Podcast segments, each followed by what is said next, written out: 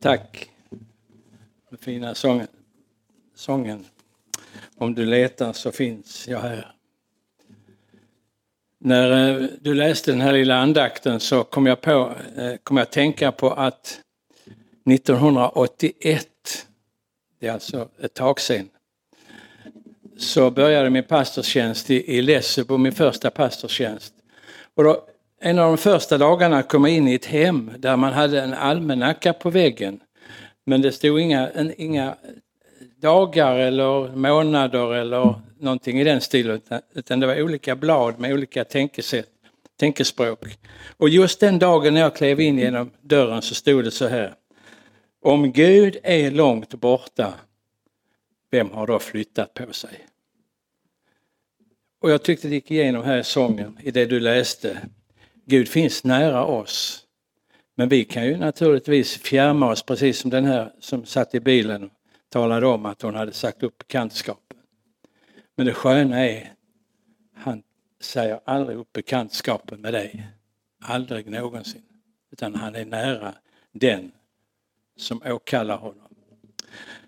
Och nu fick jag ju ett ämne här utav Katarina för flera veckor sedan. Och, och det är ju just det här ämnet som är för den här dagen i den alternativa kyrkoåret som Equmeniakyrkan har ställt till med. Det tycker jag var lite smart.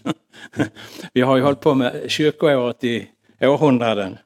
Så det här var ju lite roligt att man kunde göra något lite nytt. Och när jag har läst det här eh, lilla avsnittet i Efesierbrevet så finns det ju egentligen ingen annan text man kan ta till, tycker jag i alla fall. Och det du läste den här, jag vill läsa den på nytt igen. Jag upphör därför aldrig att tacka Gud för er när jag nämner er i mina böner. Sedan jag har hört om er tro på Herren Jesus och er kärlek till alla de heliga. Jag ber att vår Herre Jesu Kristi Gud, härlighetens fader, skall ge er en vishetens och uppenbarelsens ande som låter er få kunskap om honom. Jag upphör därför aldrig, aldrig att tacka Gud för er när jag nämner er i mina böner. Tack Herre för att vi får stilla ner oss den här stunden. Efter veckans olika slit och mödor, tankar och funderingar så får vi sätta oss ner inför dig och uppleva att du är inte långt borta. Vi behöver inte ens leta efter dig utan vi vet att du finns där och att du är nära den som åkallar ditt namn. Välsigna var och en som är med här i gudstjänsten idag. I Jesu namn. Amen. Jag har ofta läst, eller jag vet inte hur mycket du läser i Paulus brev, men under ett så långt liv som jag nu börjar ha levat så har jag läst väldigt mycket i Paulus brev såklart. Och det som har fascinerat mig väldigt mycket det är just inledningen när han skriver sina brev till de olika församlingarna.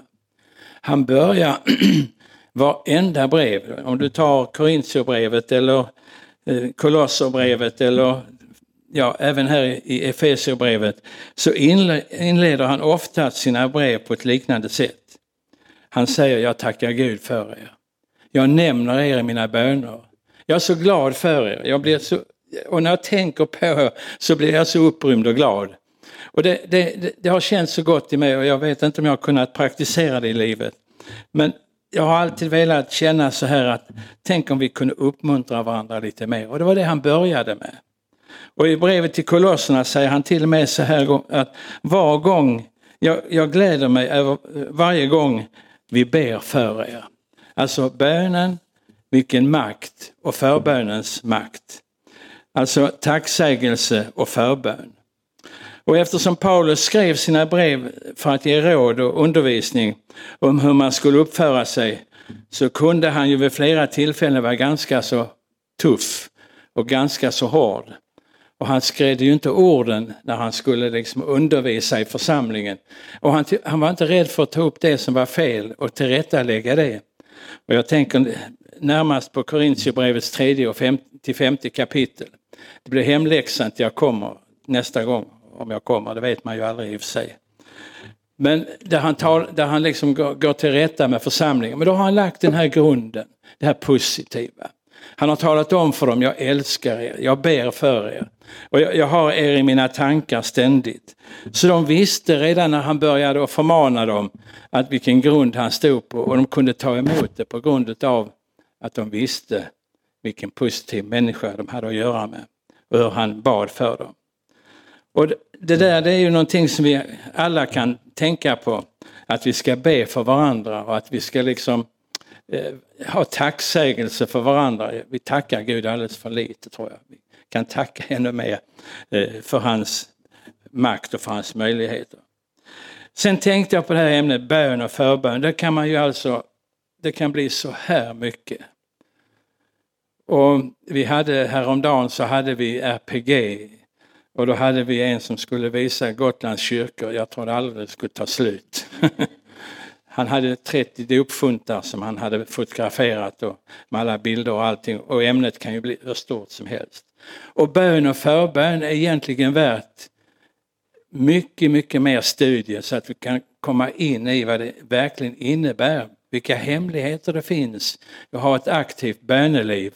Att få liksom känna, leva i förbönen och i bönen. Bön det kan ju vara den här där vi samlas tillsammans, där vi har ett bönämne och ber allesammans tillsammans.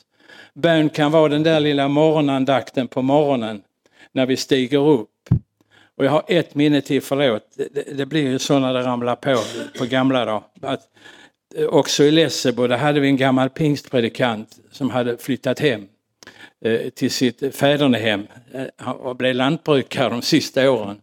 Men hans fru, hon sa till mig så här, du förstår, sa hon, Viktor, han stiger upp klockan sex varje morgon och så lägger han sig en timme vid en stol bredvid sängen och ber för dagen, för sitt arbete, för församlingen, för sina grannar runt omkring.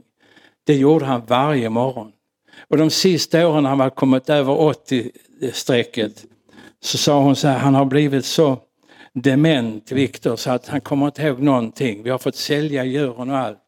Men varje morgon klockan sex så stiger Viktor upp, lägger sig vid stolen, kan nämna alla namnen som han alltid har nämnt. Han ber och han har förbön för sina närmaste. Och det där, det tror jag är väldigt viktigt. Och sen finns den här sidan när vi liksom går i vardagslivet. Det finns ett bibelord som säger, när, Gud säger så här, jag känner dina tankar fjärran ifrån. Tänk att ha en som är så intresserad av oss så att han till och med vet vad du och jag tänker. Och då kan vi ju be för våra, vi kan ju ha vår bön inom oss. Sen kan vi vara med om jättestora bönemöten där vi ber för vår värld och, och, och, och liksom hela, hela den stora biten som finns i, i det. Men jag skulle vilja säga så här när det gäller bön och förbön. Att det finns ju några exempel där det verkligen har, har förändrat världen med bön. Och det märkligaste löftet som vi har i vår bibel det är Guds löfte om bönhörelse och att vi kan få svar på bön. Och då kanske du har samma erfarenhet som jag att ibland så har vi fått be och vi har bett och vi har tröttnat och vi har slutat nästan och så har vi fortsatt igen. Men så rätt vad det är så kommer ändå bönesvaret. Och det där det är ju en märklig, märklig företeelse. Men tänk att, att det finns skeenden i världen som är påtagliga bönesvar. Nu finns det ju dem och det blir mer och mer tydligt för mig i alla fall att det är fler och fler i det här landet som slutar att tro på Jesus. Som inte vill höra talas om Jesus. Som, inte, som gör allt för att inte det ska nämnas. Man tar bort i nyårsklockorna allt som påminner om Guds makt och, och, och Jesus till exempel. Det är bara ett exempel. Men också i andra texter så ska man inte nämna Jesus. Och det finns de som liksom, människor som vid själva ordet bön och bönemöte nästan får ett löjets skimmer över sig. Men för trons folk så är bön och bönesvar realiteter som ingen filosofi i världen kan ta ifrån dem. Jag läste för ett litet tag sedan en bok som har också, ni vet det där när man läser och man begrundar, det kan sätta djupa spår. Och redan den 10 februari 1728 läste jag så hölls ett bönemöte som nog aldrig kommer att glömmas i vår, vars verkningar märks ända in i vår tid. Det hölls i Hernhut, jag vet inte, det är en, liten ort i Tyskland, på greve Sinsendorfs, det var ett svårt ord för en skåning, han hette Nikolas Nikolas von Sinsendorf. Det var på hans gods i Tyskland. Om ni nu tänker att det här är alltså 300 år sedan så var det ett bönemöte som ännu idag har verkningar. Så var man samlade eh, i, i, i, den här, i det här slottet. Och det sägs i den här boken att den, att den här märkliga gestalten, greve Sinsendorf, han var redan när han var fyra år gammal så slöt han ett förbund med Herren och att han ville bli, hans, att han ville bli missionär. Han hade hört någon missionärsberättelse. Och när han var fyra år gammal så avgjorde han sitt liv för Herren och efter, när han var 15 år gammal, några år senare, så bildade han en, en, en stiftelse som hette Senapskornsorden. 15 år gammal. Och hela hans hjärta och hela hans längtan, det var att be för mission i världen. För att människor ute i världen skulle höra talas om Jesus. Det var hela hans längtan. Och det samlades människor i hans hem och man bad. Och just vid det här tillfället som jag nämnde så var det en stor skara som var samlade. Och i den samlingen så säger då Sinsendorf, ledd av Herrens ande, så säger han så här. Eh, till och med några ord som inte vi får lov att säga idag. Han sa, han sa att eh, när Guds ande var utgjuten så säger han att, eh, att han liksom kände att han talade, att eh, han var inspirerad av Guds ande. Ja. Och så talade han om eh, att det skulle bli mission för neger och för turkar och för grönländare, var han nu fick det ifrån. Men det, var, det låg överst på hans hjärta nej, det säger vi inte. Den svarta befolkningen i Afrika skulle han nå. Och så skulle han nå grönländarna och turkarna. Och det var ju en hel del i det bönemötet som ändå tänkte, står det också talas om, att hur ska det gå till? 1728. Inga flyg, inga mobiltelefoner, inget tåg som kunde dra iväg. Och det, var, det, det, det kändes svårt. Men så hände det att greven han blev inbjuden till Kristian den tredjes eh, kröning och där träffade han en man från Västindien. En mörk man. Och han fick med sig den här mörke mannen som hette Anton hem till Hernhut. Och där började man att be tillsammans. Och mitt i bönen så var det fyra stycken ungdomar som reste sig upp och sa vi vill följa med Anton till Västindien. Till den mörka befolkningen och de for iväg. Och fyra stycken anmälde sig för de ville åka till Grönland. Och strax lite senare så var det faktiskt e-, ett gäng som åkte till, till, till Turkiet. Och den här bönen 1723 den, den blev en uppfyllelse 1747. Alltså det gick mer än 20 år.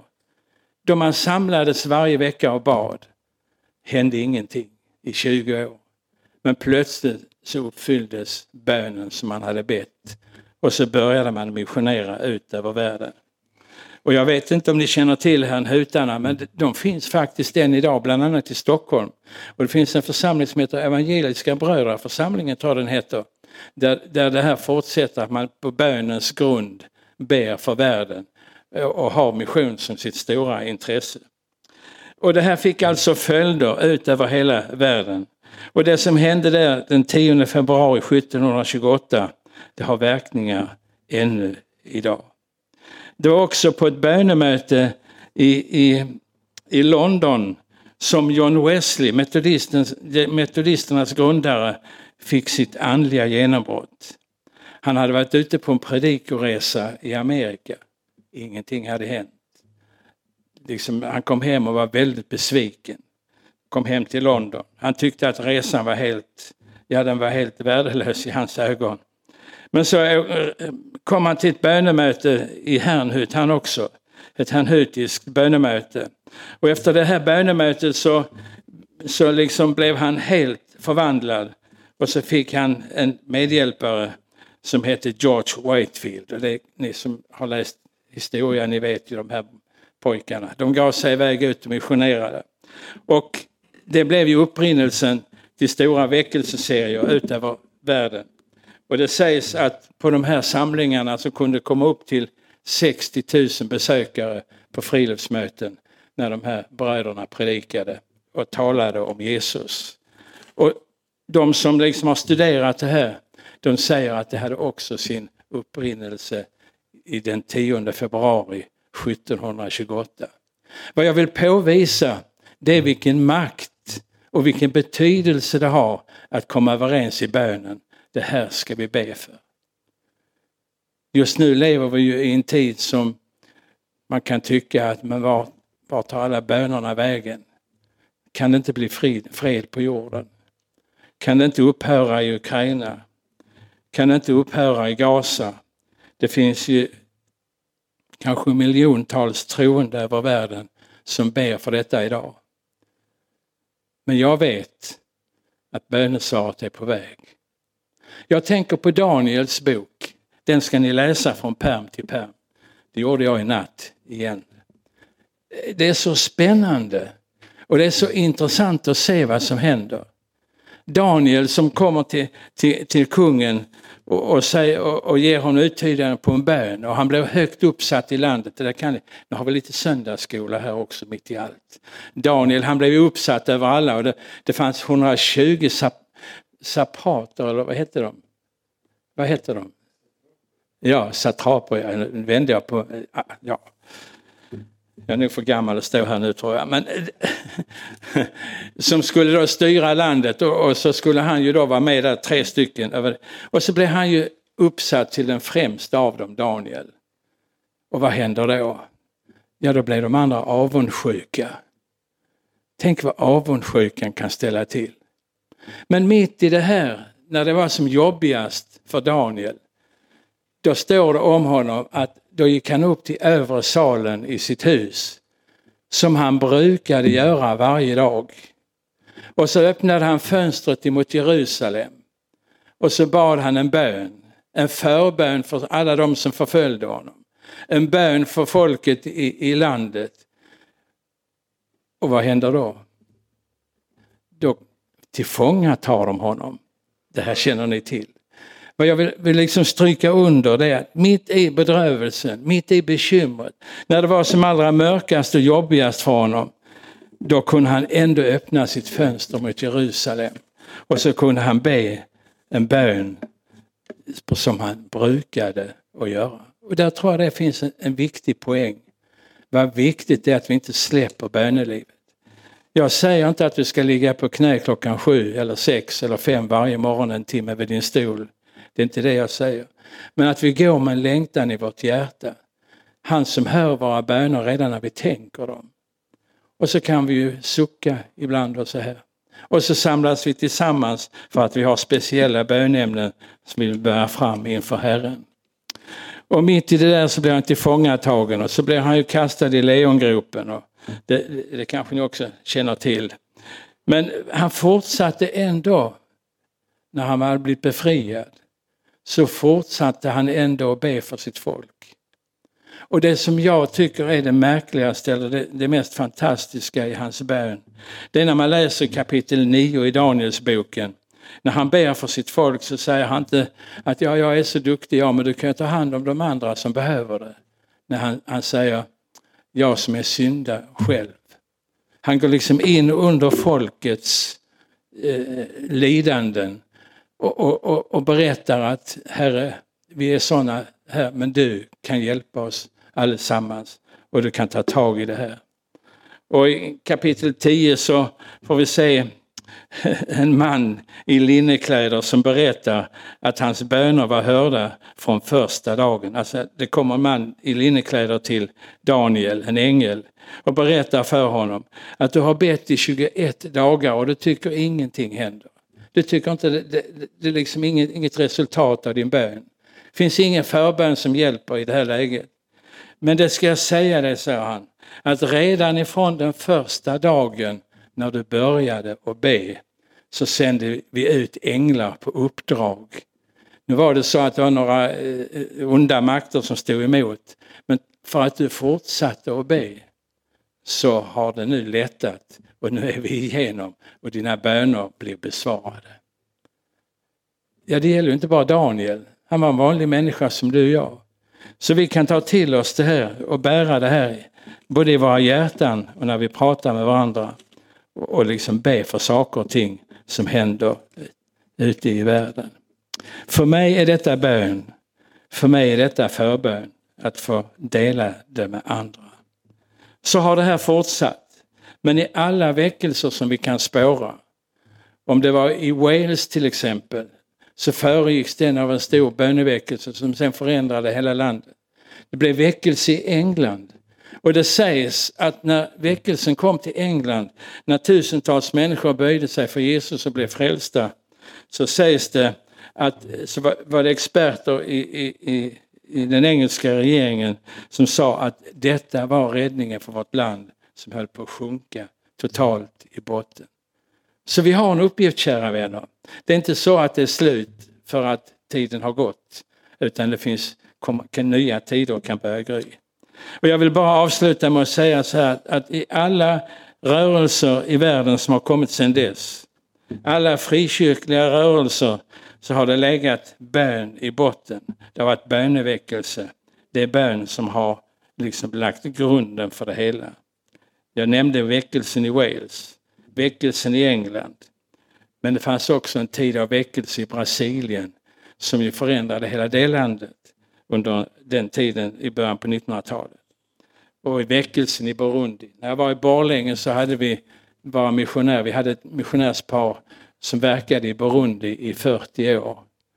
Och eh, vi fick besök av en predikant 1994 som berättade att det fanns ungefär 300 000 eh, pingstvänner i Burundi. Nu var han ju pingstvän, men det fanns andra också. Men ungefär 300 000 pingstvänner i Burundi 1994. Idag fick jag höra att det finns 800 000 människor i de församlingarna. 800 000. Det är alltså på 30 år ungefär så har, har man alltså fördubblats och mer än det. Det här menar man är ett bönesvar. Därför att man har haft förbön för folket och därför att man har bett. Och därför så tycker jag att vi kan se framåt med glädje. Gud är inte långt borta. Tycker vi att han, har, att han är det, då kan man ju undra vem är det som har flyttat på sig? Är det vi? Ja, det är därför vi tar till våra hjärtan. Men vi, vi, vi liksom ser att bön och förbön har en enorm betydelse. Och det var det jag ville förmedla. Att Gud är aldrig svaret skyldig. Även om vi kan tycka att det ibland dröjer. Bönesvaret kommer. Var så säker. Tack Herre för den här stunden. Tack för ditt eget ord. Tack att du vill uppmuntra oss Herre till att söka ännu mer kontakt med dig. Tack att du hör våra böner. Tack att du svarar på våra böner. Och tack för att vi får be för varandra och, och samtala med varandra. Och tack Herre för att du vill hjälpa i varje sån situation. I Jesu namn. Amen.